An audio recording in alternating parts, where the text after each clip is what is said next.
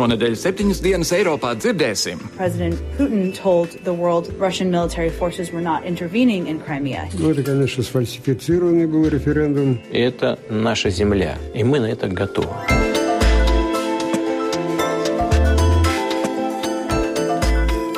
Labdien, godējamie klausītāji! Latvijas radio studijā Kārlis Streips klāt kārtējais pirmdienas septiņas dienas Eiropā raidījums, kur katru nedēļu spriežam par Eiropas un pasaules notikumiem un skatāmies, kā tie ietekmē mūs tepat Latvijā. Sāksim ar to, ka Krievijas vēstnieks Dānijā ar saviem izteicieniem ir izpelnījies ļoti asu kritiku. Intervijā vietējam laikrakstam viņš piedraudēja ar kodolu ieroču izmantošanu pret Dāniju, ja tā pievienosies NATO pretgaisa aizsardzības sistēmai. Dānijas ārlietu ministrs ziņoja, ka tādi vēstnieku komentāri ir nepieņemami un vēstnieks ir pārkāpis robežu, sakot, ka pievienojoties NATO pretraķiešu aizsardzības sistēmai, Dānija kļūs par Krievijas balistisko raķešu mērķi. Kā zināms, Krievija ļoti asi iebilst pret NATO aizsardzības sistēmu, kuras bāzes plānotas Rumānijā un Polijā. Tālāk šodien raidījumā par Krievijas kodolieroču draudiem un pastiprinātajām karaspēka vienību tā dēvētajām mācībām Par gada dienu kopš ar zaļo vīriņu un aizdomīgu referendumu palīdzību Krima pēkšņi nonāca Krievijas sastāvā un par Eiropas Savienības lēmumiem par ekonomisko sankciju nākotni. Bet vispirms uzklausīsim dažus viedokļus, šoreiz par militārām mācībām. Tikko Krievijas Eiropas daļā noslēgušās vērienīgākās militārās mācības kopš PSRS sabrukuma, toties NATO un starptautiskie spēki Baltijā, Polijā un Melnajā jūrā uzsākuši plašas gaisa, zemes un jūras spēku mācības.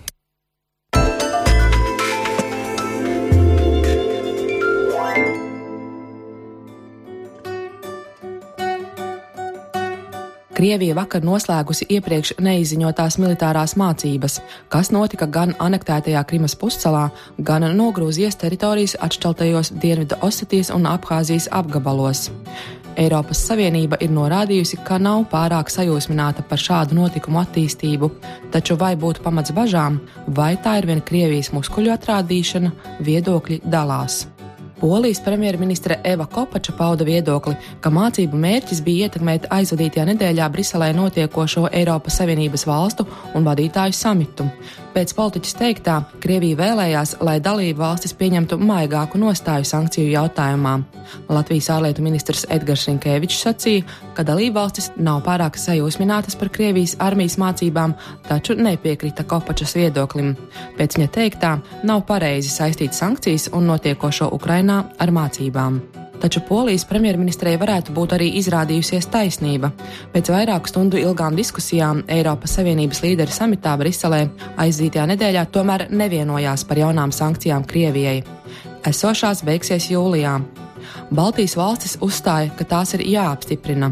Savukārt Austrija, Grieķija, Spānija, Slovākija un Ungārija uzsvēra, ka ir jāsāk uzlabot attiecības ar Krieviju un iebilda pret sankciju pagarināšanu. Pēc ilgām diskusijām valstis vienojās par kompromisu un nolēma, ka ekonomisko sankciju ilgums būs atkarīgs no Minskas vienošanās noteikumu izpildes. Stāstam Eiropadomas prezidents Donalds Tusks. Līderi vienojušies sasaistīt mūsu sankciju režīmu ar pilnu Minskas vienošanos izpildi. Jāņem vērā, ka šī vienošanās ilgs tikai līdz šā gada beigām of 2015. Sankciju saistīšana ar Ukrainas pamiera vienošanos nozīmē, ka ekonomiskās sankcijas būs spēkā līdz gada beigām, jo saskaņā ar Minskas vienošanos gala termiņš, kad Ukrainas varas iestādēm ir jāatgūst pilnīga kontrole par savām robežām, ir gada beigas. Eiropas Savienības valstu līderu panāktā vienošanās attiecās tikai uz ekonomiskajām sankcijām. Ziņu aģentūra Reuters, atsaucoties uz franču diplomātiem, vēsta, ka tas nozīmē, ka ja situācija Ukrainas austrumos uzlabosies, tad pārējās sankcijas, ceļošanas aizliegumus un kontu iesaldēšanu varētu atcelt arī ātrāk. Sestdien Krievija spēra vēl vienu neierastu soli. Laikrakstā Džilāns Posten, Krievijas vēstnieks Dānijā Mihāls Vaņins brīdināja Dāniju nepievienoties ASV vadītāju pretračešu aizsardzības sistēmai. Pretējā gadījumā abas valstis kļūtu par ienaidniekiem, un Krievija varētu nomērķēt kodola raķetes pret Dānijas karakuģiem, sacīja Vaņins. Dānija norādīja, ka tādi vēstnieka komentāri ir nepieņemami, un Vaņins ir pārkāpis robežas, sakot, ka ik viens, kurš pievienojas pretraķešu aizsardzības sistēmai, nākotnē kļūs par Krievijas balistisko raķešu mērķi. thank you Lūk, dažādi viedokļi. Lai atzīmētu gadu kopš Krīmas iekļaušanas Krievijas sastāvā, ārpus Kremļa bija pulcējies pēc dažām aplēsēm līdz pat 100 tūkstošu ļaužu liels pūlis. Putins skaļu uzmundrinošu saucienu Krievija, Krievija pavadījumā tautai stāstīja, ka Krievi un Ukraiņa esot viena tauta, ka drīzā, drīzumā atsāksies normālas attiecības ar Ukrainu un ka Krievija pārvarēs visus izaicinājumus un grūtības, ko tai mēģina uzspiest no ārpuses. Vēl arī svaigi iznākusi Krievijas eh, dokumentālā filma, kurā Putins atzinies, ka plānojas Krimas aneksiju jau krietnu brīdi pirms referenduma, kas notika pēc tam, kad bruņotie separatisti ar mazo zaļo vīriņu palīdzību bija pārņēmuši reģiona vadību. Filmā viņš stāsta, ka pasūtījis slepenu aptauju pirms aneksijas, kas atklājusi, ka 75% Krimas iedzīvotāji esot bijuši pār apvienošanos ar Krieviju. Intervijā Putins arī runāja atklāti par kodolieroču draudiem, ko bijis gatavs izmantot kā savas agresīvās ārpolitikas ieroci. Vairāk par gadu kopš Krimas aneksijas un ko tas nozīmēs turpmāk, mana kolēģi Jāņa Kropa sižetā.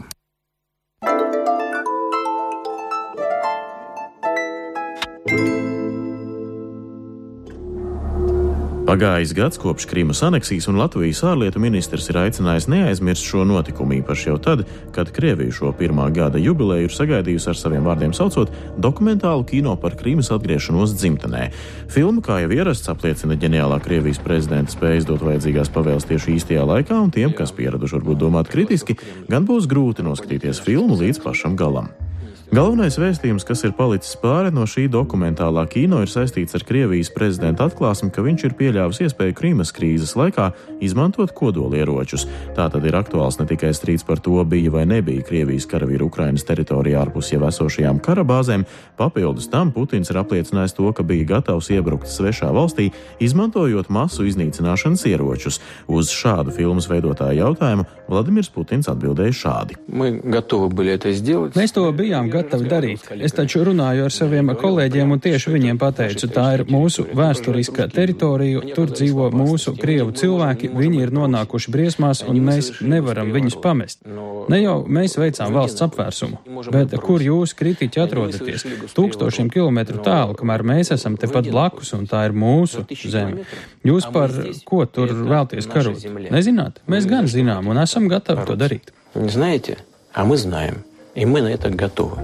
Atziņa par kodolieročiem izraisīja žurnālistu vētru un arī sacēla nedaudz kājās atsevišķu valstu atbildīgās iestādes, kuras norādīja, ka šādi paziņojumi nevar tikt uztvērti nekā citādāk, kā tikai ar bažām. Skaidrs, ka Putins arī var blefot, bet viennozīmīgi viņš turpina to, ko sauc par augstā kara retoriku. Jēlas Universitātes vēsturnieks Timotijs Snaiders arī ir vērsis uzmanību, ka šobrīd notiek tāda saudabīga jēdzienu izmantošana pilnīgi pretējās nozīmēs. Piemēram, īstie antifašisti tiek pasludināti par fašistiem, nemaz neaizdomājoties, ka, piemēram, tāda valsts kā Ukraina ir viena no visvairāk cietušajām Otrajā pasaules karā. Bet atgriežoties pie oficiālo amatpersonu sacītā, skaidrs, ka Ukrainas konfliktā ātru pārmaiņu nevar būt. Krīmas atgriešanās Ukrainā arī visticamāk ir tāls mērķis, un to, ka Krīmas pievienošana nebija nekāda tautas griba, bet blefs, vēlreiz Latvijas radio ziņu dienestam apliecināja Krīmas tatāru līderis Mustafa Džemiļevs. Ну, во-первых, что касается референдума, ну, это, конечно, сфальсифицированный был референдум. Заведомо было понятно, что... Ник... Pirmkārt, kas attiecas uz referendumu, tas, protams, bija falsificēts. Bija zināms, ka neviens šo referendumu, kas sarīkots okupētā teritorijā, neatzīst. Tomēr Kremļa propaganda to turpina izmantot. Tika runāts, ka ir piedalījušies 82%, bet patiesībā, un tās ir precīzas liecības, piedalījās tikai 34%, un nav teikts, ka viņi visi nobalsoja par pievienošanos Krievijai. Krimas tatāru viedoklis ir dažāds. To neskaitāmos medijos var redzēt līdz ar viena gada pieminēšanu kopš Krīmas pievienošanas Krievijai. Lai arī cilvēkus individuāli var ietekmēt dažādos veidos, tas, kas paliek atmiņā, labākais variants aptaujātajiem bija, lai tikai nešautu. Tātad pievienošanās Krievijai nenotika kategorijās, kurās vadās pēc lielākā entuziasma, bet gan tāpēc, ka domāts tika par mazāko draudu. ASV valsts departamenta preses sekretāra Dženifera Psaki atklāti norādīja mēdījiem, ka gada laikā ASV nostāja nav mainījusies. Jau no pašiem pirmsākumiem ir skaidrs, kādu spēli spēlē Krievija. Turklāt ASV valsts departaments apliecināja, ka turpinās sankcijas pret Krieviju, kamēr Krima neatgriezīsies Ukrainas sastāvā, kas visticamāk nozīmē to, ka šobrīd šīm sankcijām nav paredzams beigu termiņš. So Uh, uh, Mūsu nostāja pilnīgi noteikti nav mainījusies. Pirms gada prezidents Putins pasauli centās pārliecināt, ka Krievijas karavīri nemēģina okupēt Krimu. Tagad viņš pats to apliecina filmā. Viņa vārdiem trūks ticamības. Kā mēs varam zināt, ka viņš nemelo, kad saka, ka Krievijas karavīru nav austrumu Ukrainā? Manuprāt, grūtības sagādā arī tas, ka viņš ne tikai noklusēja Krievijas karavīru esamību, viņš tagad atzina gatavību iet tālāk un pielietot vēl agresīvākus ieročus. Kam mēs pievēršam uzmanību ir šā brīža situācija Austrum Ukrainā un vai tam, kas tiek ziņots, ir arī kāda ticamība. And whether there's credibility to the claims.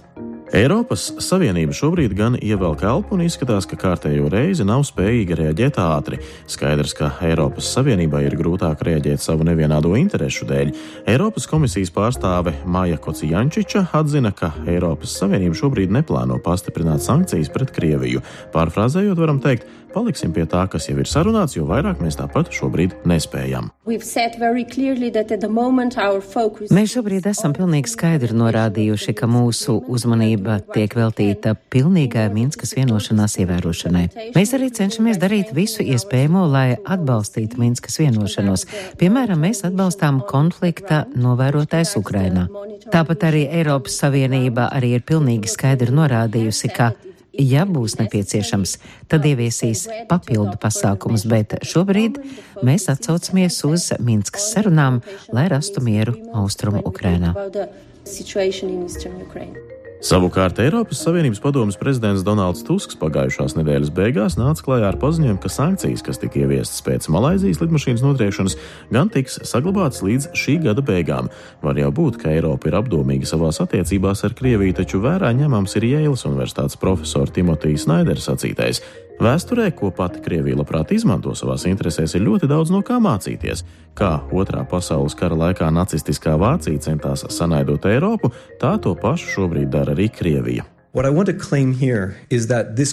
Manuprāt, jēdzienu pretruna, kas pastāv starp fašismu un antifašismu, ir daļa no lielākas politikas. Tā ir Krievijas politika, kuras mērķis ir šķelt. Krievija neko nespēja piedāvāt Eiropas vienotībai, toties sašķeltībai gan. Turklāt visi man šķiet jau zina sašķeltības simptomus. Krievijas stratēģija ir atbalstīt satelītu valsts Eiropas Savienības iekšēnē, atbalstīt separātismu, kas nāk no Eiropas, atbalstīt ar labējos populistus vai galējos gadījumos atbalstīt pat fašistus un neonacistus. Bet visam pāri Savukārt Krievija mēģina uzturēt politisko teoriju, ka integrācijai nav jēgas.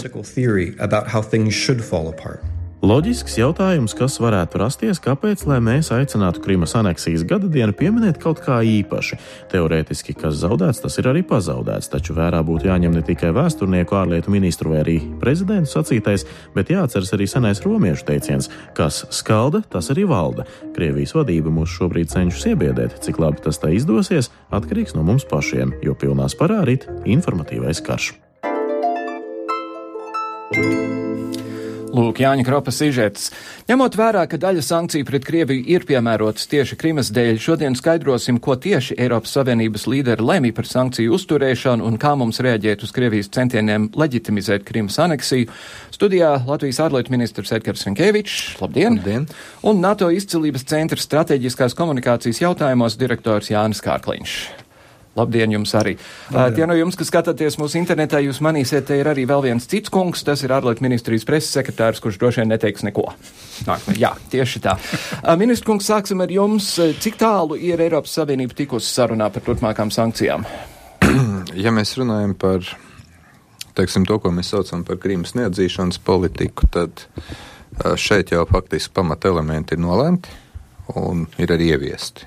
Es varu atgādināt to, ka tas skar gan jebkādu veidu ekonomisko sadarbību ierobežojošus lēmumus. Tas ir gan investīcijas, gan turisms, gan, teiksim, dažādu veidu tirzniecības sakari. Tātad uh, faktiski Eiropas Savienības uzņēmējiem, Eiropas Savienības um, teiksim, bankām ir aizliegta jebkāda veida sadarbība ar Krīmu vai nu kaut ko pirkt, vai nu kaut ko pārdot, vai, teiksim, kaut ko būvēt. Tas pats faktiski lielā mērā attiecās arī uz turismu industriju, kruīzu kuģiem ir aizliegts iebraukt, nu un arī vīzas Krimas iedzīvotājiem izdot nevis Maskavā vai, teiksim, Krievijas federācijā, bet Ukrainā tādā veidā pasvītrojot, ka uh, Krīma ir Ukrainas sastāvdaļa. Kas attiecās, teiksim, uz situāciju Ukrainas austrumos, un bieži vien runājot par Ukrainas austrumiem, kaut kā mēs tiešām sākam piemirst arī Krimas jautājumu. Tad šeit, protams, Eiropas Savienības līderi pagājušajā nedēļā Eiropadomē vienojās, ka sankcijas tiek saglabātas esošajā apjomā līdz tam brīdim, kamēr netiek īstenotas Mīnskas vienošanās.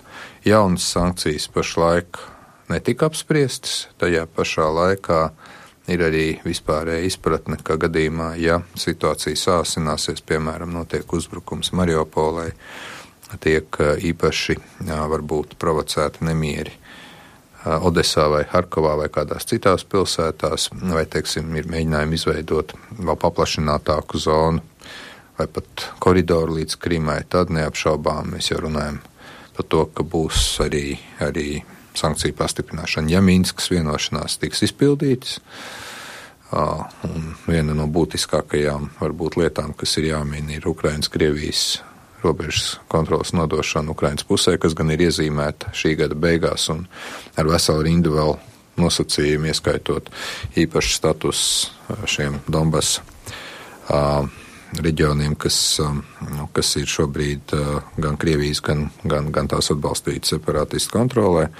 Un konstitucionālā reforma un vēl daži, nu tad arī, protams, mēs nevaram izslēgt to, ka sankcijas varētu tikt, tikt arī mīkstināts vai atcelts. Tā kā šeit ir pietiekami liela elastība no Eiropas Savienības puses. Vienlaikus neaizmirsīsim, ka panākt šāda veida vienošanos 28 dalību valstīm ar dažādām interesēm un arī, jāsaka, ļoti aktīvu Krievijas diplomātijas rīcību, lai šķeltu Eiropas Savienību, nemaz nav tik vienkārši. Jā, es varu iedomāties. Kārkliņkungs, kā, kā jūs uz šo lietu skatāties, uz tām sankcijām no, no militārā viedokļa, vai tām vajadzētu būt kaut kā stingrākām vai Man, man, ir, man ir grūti pateikt, pat cik uh, centrs nenodarbojas ar konkrēti um, šīs situācijas analīzes ne no ekonomisko sankciju viedokļa, ne no militārā viedokļa. Mēs, mēs skatāmies vairāk no informatīvās, informatīvās uh, kardarbības viedokļa. Mm -hmm.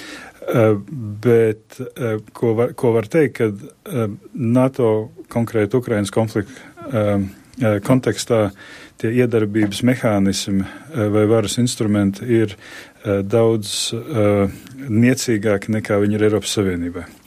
Un, mēs arī redzam, ka Eiropas Savienības rīc, rīcība ir daudz noteiktāka un, un, un, un redzamāka nekā, nekā NATO rīcība Ukrainas konflikta sakarā. Jā. Tas ir interesants, starp citu, pagājušajā nedēļā Oto Ozols publicists publicēja kaut kur internetā rakstu, kurā viņš teica, ka būtībā Eiropas Savienība ir nolēmusi veidot pati savu armiju. Tam ir piekritusi Angela Merkele, tam ir piekritusi Francija, un tuliņ, tuliņ būs. Rinkevičs kungs, kā tas izskatās? Tā īsti nav. Neaizmirsīsim gan, ka Eiropas Savienībai jau ir savi militāri instrumenti. Mums ir misijas, mums ir šobrīd kaut vai Āfrikā deviņas misijas, gan militārās, gan civilās, kurās piedalās Eiropas Savienības dalību valstu karavīri. Piemēram, Latvijas karavīri pagājušo gadu bija Centrālajā Āfrikas Republikā, arī mēs apmācām Malī bruņotos spēkus, cīnāmies ar pirātismu pie Somālijas krastiem. Tātad faktiski šādas misijas jau ir, bet tās gan tiek veidotas uz Eiropas Savienības dalību valstu nu, tādu ieguldījumu katrā konkrētā operācijā. Un mums jau nu, gandrīz desmit gadus eksistē tā saucamais uh, uh, kaujas grupu koncepts. Tātad uh, arī Latvijas karavīri ir piedalījušies dažādu valstu vadītās kaujas grupās, piemēram, Zviedrijas vadītā kaujas grupā, kuras varētu, pagaidām nav tikušas izmantotas, bet varētu tikt izmantotas, piemēram, miera nodrošināšanas vai miera uzturēšanas misijās. Ja mēs runājam par tādu vienotu Eiropas Savienības armiju, kā mēs esam pieraduši redzēt nacionālās armijas ar vienotu tātad virsnieku korpusu, komandu struktūru, tad jāsaka, ka ideja nav jauna. Ideja tiek bieži apspriesta, bet zinot arī to, ka ir ļoti daudz un dažādi uh, gan konstitucionāli ierobežojumi, gan dalību valstu viedokļi, vai tādi ir vajadzīgi. Gan neaizmirsīsim, ka mums ir daļa uh, Eiropas Savienības dalību valstu NATO dalībnieces un daļa nav, daļas, daļa valstu pat ir joprojām deklarējuši savu neutralitāti, nu, kaut vai piemēram Zviedrija, Austrija, Somija neatrodas NATO, nemaz nerunājot par tādām valstīm kā Kipru, Maltu. Tad uh, kopumā es domāju, ka šī ideja varbūt, lai arī cik viņa labi neizklausītos, uh, tomēr pašlaik atbalstu nav guvusi. Uh, es gan arī teiktu, ka, manuprāt, daudz nopietnāk mums visiem būtu jākoncentrējās uz NATO stiprināšanu, jo reāli NATO ir arī visas Eiropas Savienības drošības garants. Un varbūt pirms mēs runājam par kādiem jauniem, skaistiem, ambicioziem projektiem visām Eiropas Savienības dalību valstīm, un īpaši tām, kas ir NATO dalību valsts, ieskaitot arī Latviju, ir jāizpilda pats minimālākais. Ir tomēr jāstiprina savu bruņoties spēku, jāpalielina aizsardzības budžeti. Man pat liekas mazliet tā smieklīgi, ka mēs šobrīd gribam runāt par Eiropas armiju. Ļoti daudz nacionālās armijas tiek samazināts un aizsardzības budžeti tiek samazināti. Tāpēc, tāpēc es tomēr domāju, ka šobrīd vajadzētu vairāk koncentrēties uz esošo struktūru stiprināšanu, nevis sapņot par kādu armiju, kuras pielietojums un arī lēmumu pieņemšana par Eiropas armijas pielietošanu būtu ļoti sarežģīti mm. Gārkliņkungs, ja par, par šo informācijas kāru tā dēvēto, ir daudz runāts par to, ko tur darīt lietas labā. Un, piemēram, Eiropā ir runāts par Krievu valodas kanālu izveidošanu Baltijā, par to ir runāts Igaunija jau, ja es nemaldos, tā jau ir izdarījusi.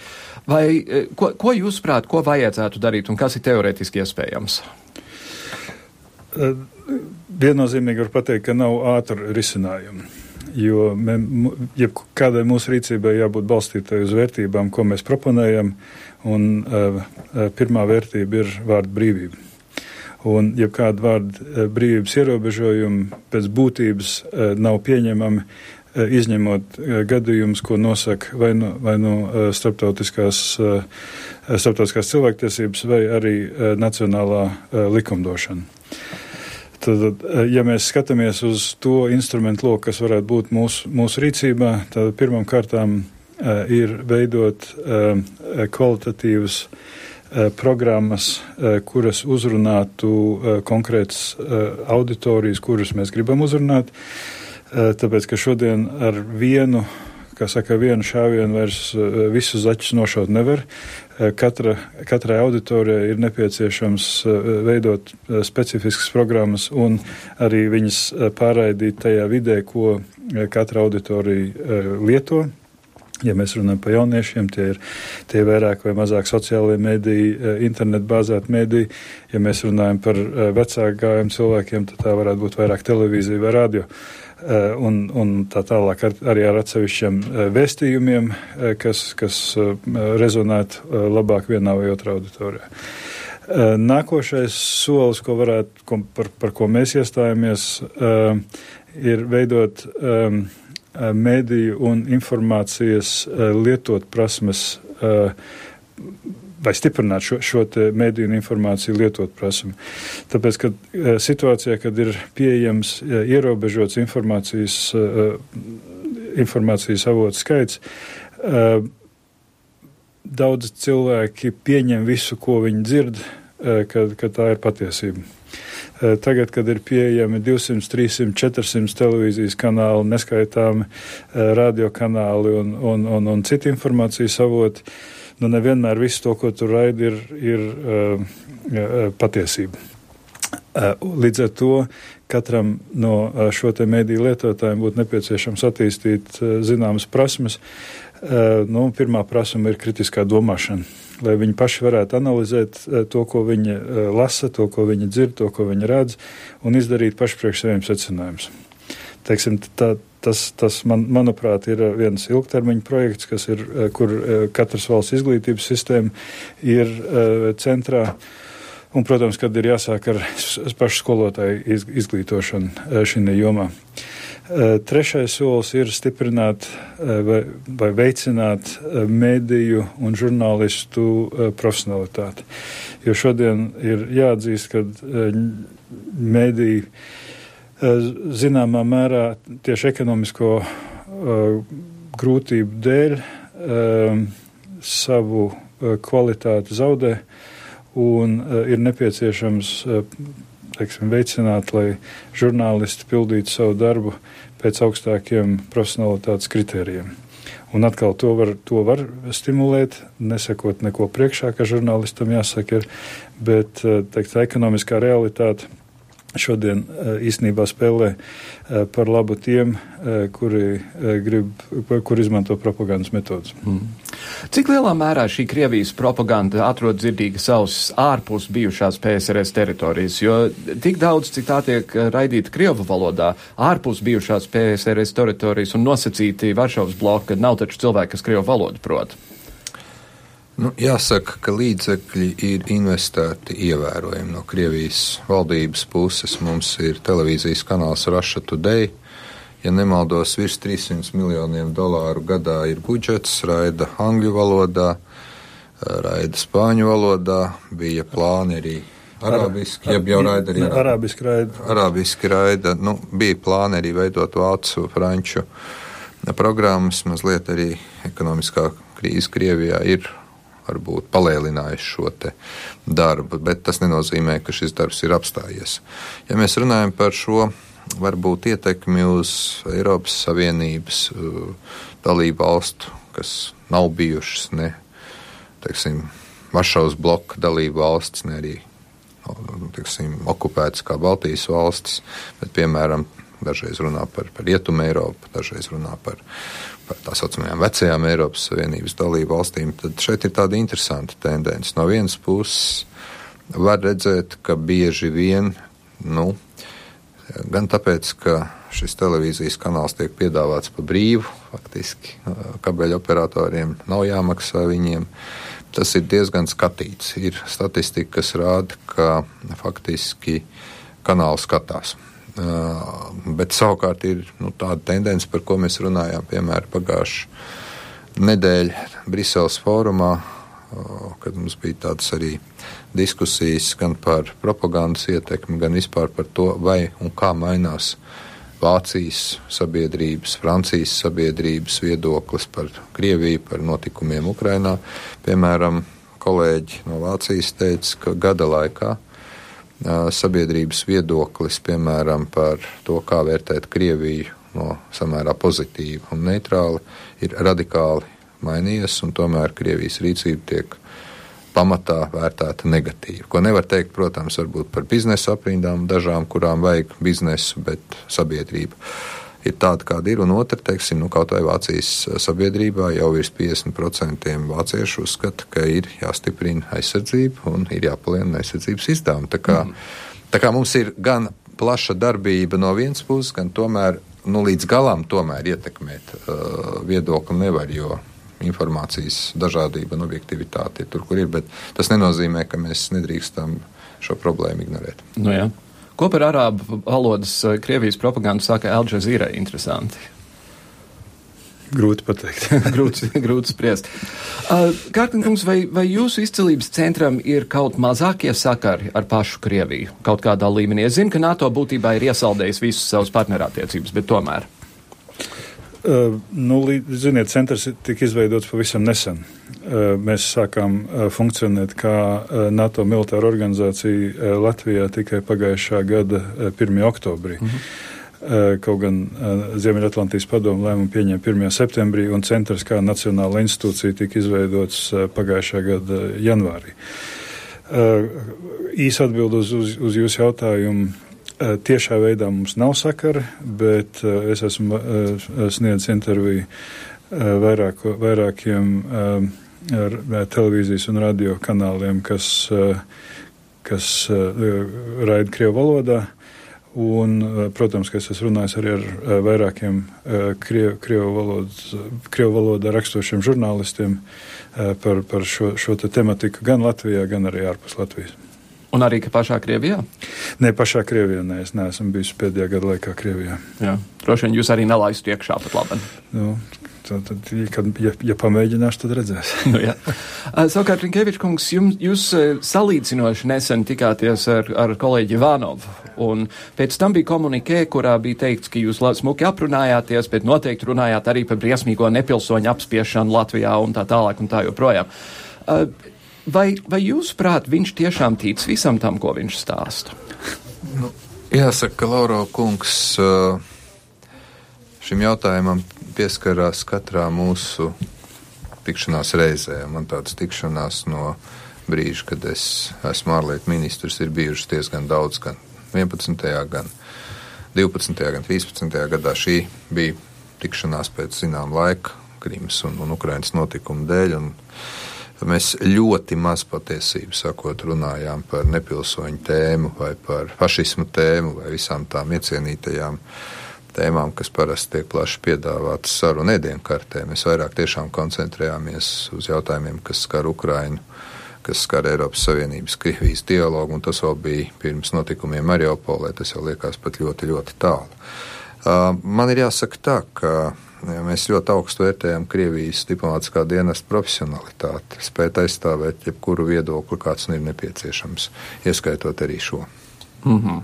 Tā bija ļoti diplomātiska atbilde, man, man jāsaka. Bet saprotiet, vai, vai cilvēks tic tam, ko viņš runā, vai netic, tas, protams, ir jājautā pašiem cilvēkiem, bet nu, es domāju, ka daudz tie paši fakti, kas ir viņiem labi zināmi, gan par to, kā mazinās nepilsoņu skaits, ka patiesībā sakot, tā ir paša nepilsoņu izvēle un ar nelielām pūlēm, bet uh, naturalizācija ir iespējama un arī tas, ka te neviens netiek vajāts un, un, un, un nekādā veidā diskriminēts, un to viņi ļoti labi zina, bet uh, es domāju, ka tajā brīdī, kad tev ir apzināta politiskā līnija, tu šai apzinātajai politiskajai līnijai seko vienalga. Mm -hmm ticis tai vai nē. Un, protams, ziniet, ka diplomātijā ir tas, ko, tas, ko sauc par selektīvo dzirdi kad bieži vien diplomāti dzird to, ko viņi grib dzirdēt, un nedzird to, ko viņi negrib dzirdēt. Nu, jā.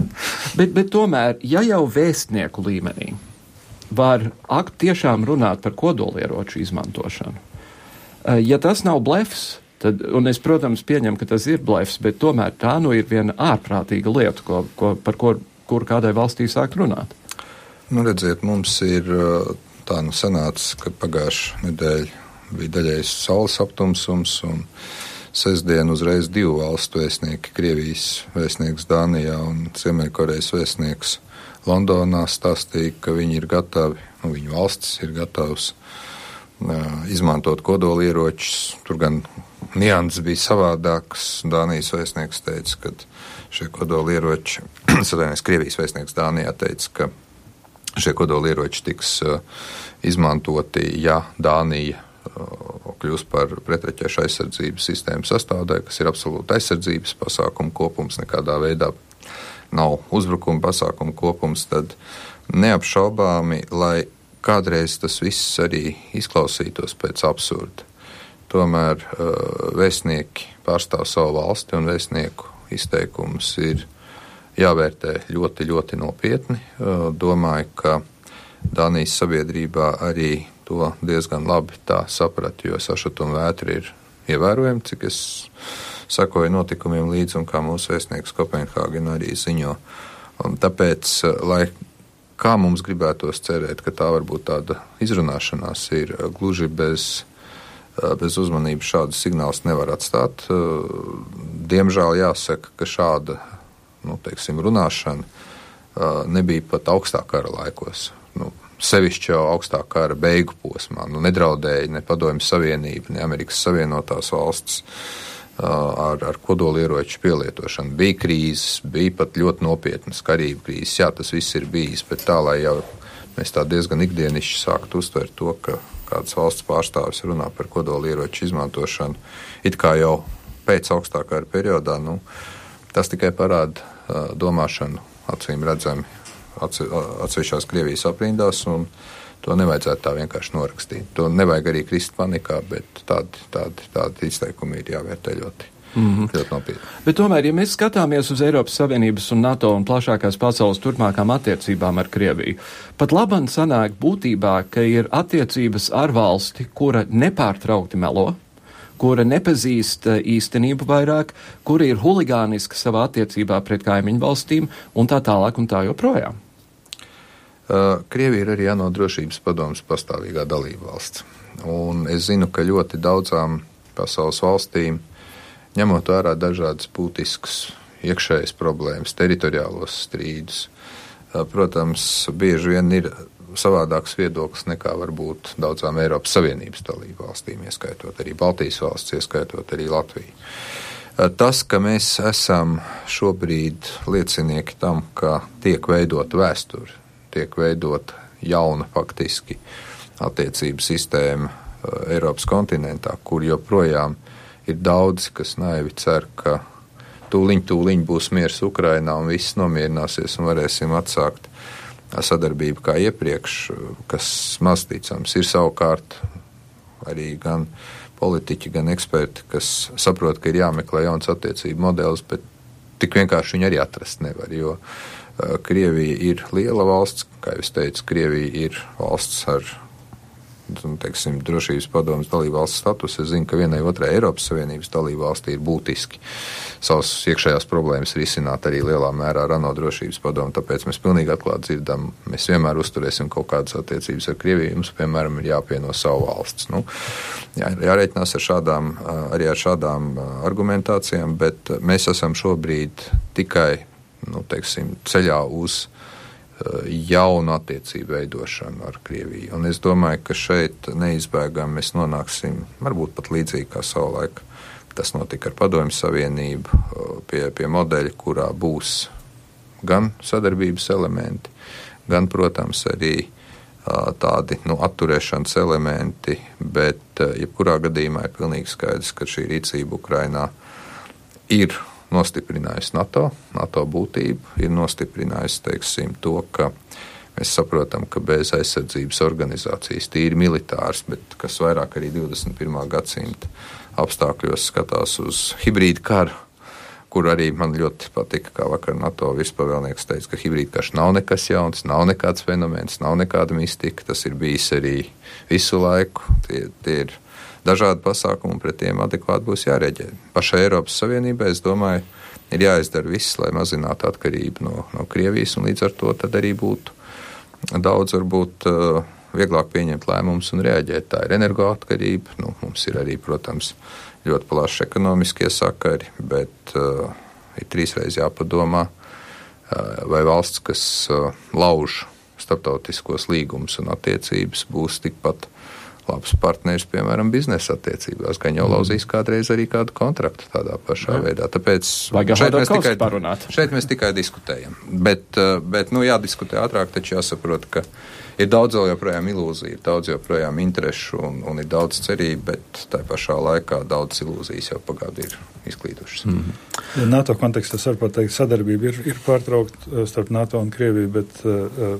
teiksim, politiskais dialogs vēstnieku līmenī e, notiek. Tā, kā, tā, tā komunikācija. No to Krievijas padomu vēstnieku līmenī strādājam. Mhm. strādājam. Jā. Ko reāli mums nozīmē tie, tie tanki, kurus atsūtīja pie mums, e, kur, kur bija fons Ušakovas selfijām, un es esmu dzirdējis, ka tie tanki tagad braukās pa Latviju un viesosies skolās, lai puikas var apskatīties un tā tālāk. E, liels militārs nozīmes droši vien viņiem nav. Pirmkārt, protams, tam ir eh, ļoti nopietna politiska nozīme. Nu, līdzīgi jāsaka, kā augstā kara apstākļos, kad atsevišķās NATO dalībvalstīs pie Padomju Savienības robežas tika dislocēti sabiedroto spēki. Tas ir skaidrs vēstījums, ka jebkāda veida militāra eh, konflikta gadījumā tas nozīmē reālu NATO un arī īpaši Amerikas Savienoto valstu nekavējošu iesaistu un aizsardzību. Tā kā, tā kā teiksim, no tāda viedokļa es tomēr nenovērtētu tik zemu kā viens otrs varbūt. Ka, Ziniet, tur ir tik daudz tanku. Neaizmirsīsim, ka ir daudz vairāk bruņu transportieru, ir helikopteri. Tā militārā tehnika šeit sāk pieaugt, un karavīri pastāvīgi mācās. Būs ne tikai ASV karavīri, būs arī karavīri no Vācijas vēlāk. Laikā, es noteikti teiktu, ka nevajag saskaitīt varbūt dažus tankus vai, vai, vai bruņu transportierus un mēģināt no tā visa izdarīt kaut kādus secinājumus. Pirmkārt, tam ir militāra nozīme gan mācībām, gan arī tam, ka šīs kaujas mašīnas šeit atrodas. Tam ir nopietna politiska apņemšanās apakšā, un, un, un es domāju, ka lielā mērā atbilstoši tai situācijai, kāda attīstās šobrīd, arī nemitīgie militārie manevri pie mūsu robežām, kara lidmašīnas, karakuģi arī jūrā, ka teiksim, mēs veidojam šeit adekvātu aizsardzības sistēmu, un tas ir pareizi. Un, Un, un tas, ka teiksim, notiek arī zinām publiskā diplomātija, ka arī mūsu cilvēkiem ir iespēja šos gan tankus, gan bruņmašīnas apskatīt un teiksim, novērtēt to, to spēku, ir arī lielā mērā nu, tāds uh, solis, lai nomierinātu arī Latvijas sabiedrību, ka, ka NATO 5. pants tiešām nav tikai kāds papīra tīģeris, bet lūk, jums te ir pāris tonnas reāli apliecinājumu. Nu, jā. Un no, no komunikācijas viedokļa tam ir liela simboliska nozīme. Tā, tā, tā ir daļa no strateģiskās komunikācijas. atsūtīt, atsūtīt tankus. Uz, Bet ne tikai. Nē, es, es saprotu, ka ne tikai. Tad pēdējais jautājums ir, ja nu gadījumā pienāktu šī, šī uh, x stunda vai nulles stunda, uh, ir daudz runāts par to, ka Latvijai būtu jānoturās vienu dienu vai divas dienas, vai, vai, bet ja parādītos mazie zaļie vīriņi, teiksim, Ludzā, kas, kas ietu viņiem pakaļ? Mūsu pašu cilvēku drošības policija vai tur jau tiktu iesaistīti NATO spēki, kas, kas cik nu viņi tepat labi ir, bet viņi te ir?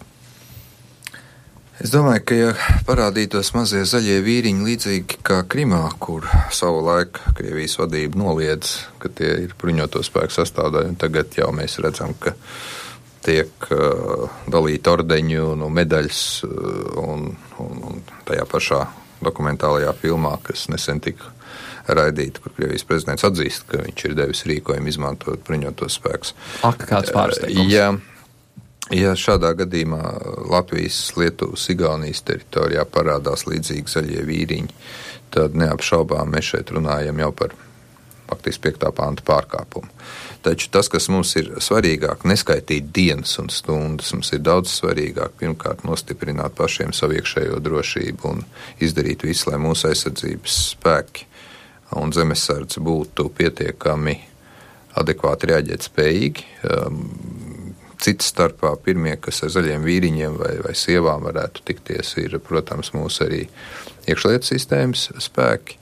Bet uh, tas, kas arī ir skaidrs, nu, nenovērtēsim par zemu arī plānotājs citā pusē. Ir pilnīgi skaidrs, ka viens un tas pats scenārijs visur netiek atkārtots. Mums ir jāsaprot, un to mēs esam teikuši NATO gan politiskā, gan arī militārā līmenī, ka mums ir jābūt pietiekami elastīgai NATO sistēmai, kas reaģē uz dažādām provokatīvām rīcībām, kiberdrošība, informācijas drošība, teiksim, kādi zaļie vīriņi, kādi nemieri. Bet uh, viens no būtiskiem elementiem, ko nevar aizmirst, tāpēc arī šeit atrodas varbūt pagaidām ne tūkstošiem karavīru, bet ir pietiekams karavīru skaits, lai arī nu, viena otru provokācija tā tiešām tiek organizēta, arī neutralizēta kopā sabiedrotie, tostarp arī Latvijas karavīri no jūsu mutes dieva ausī, tā teikt, un NATO ausī.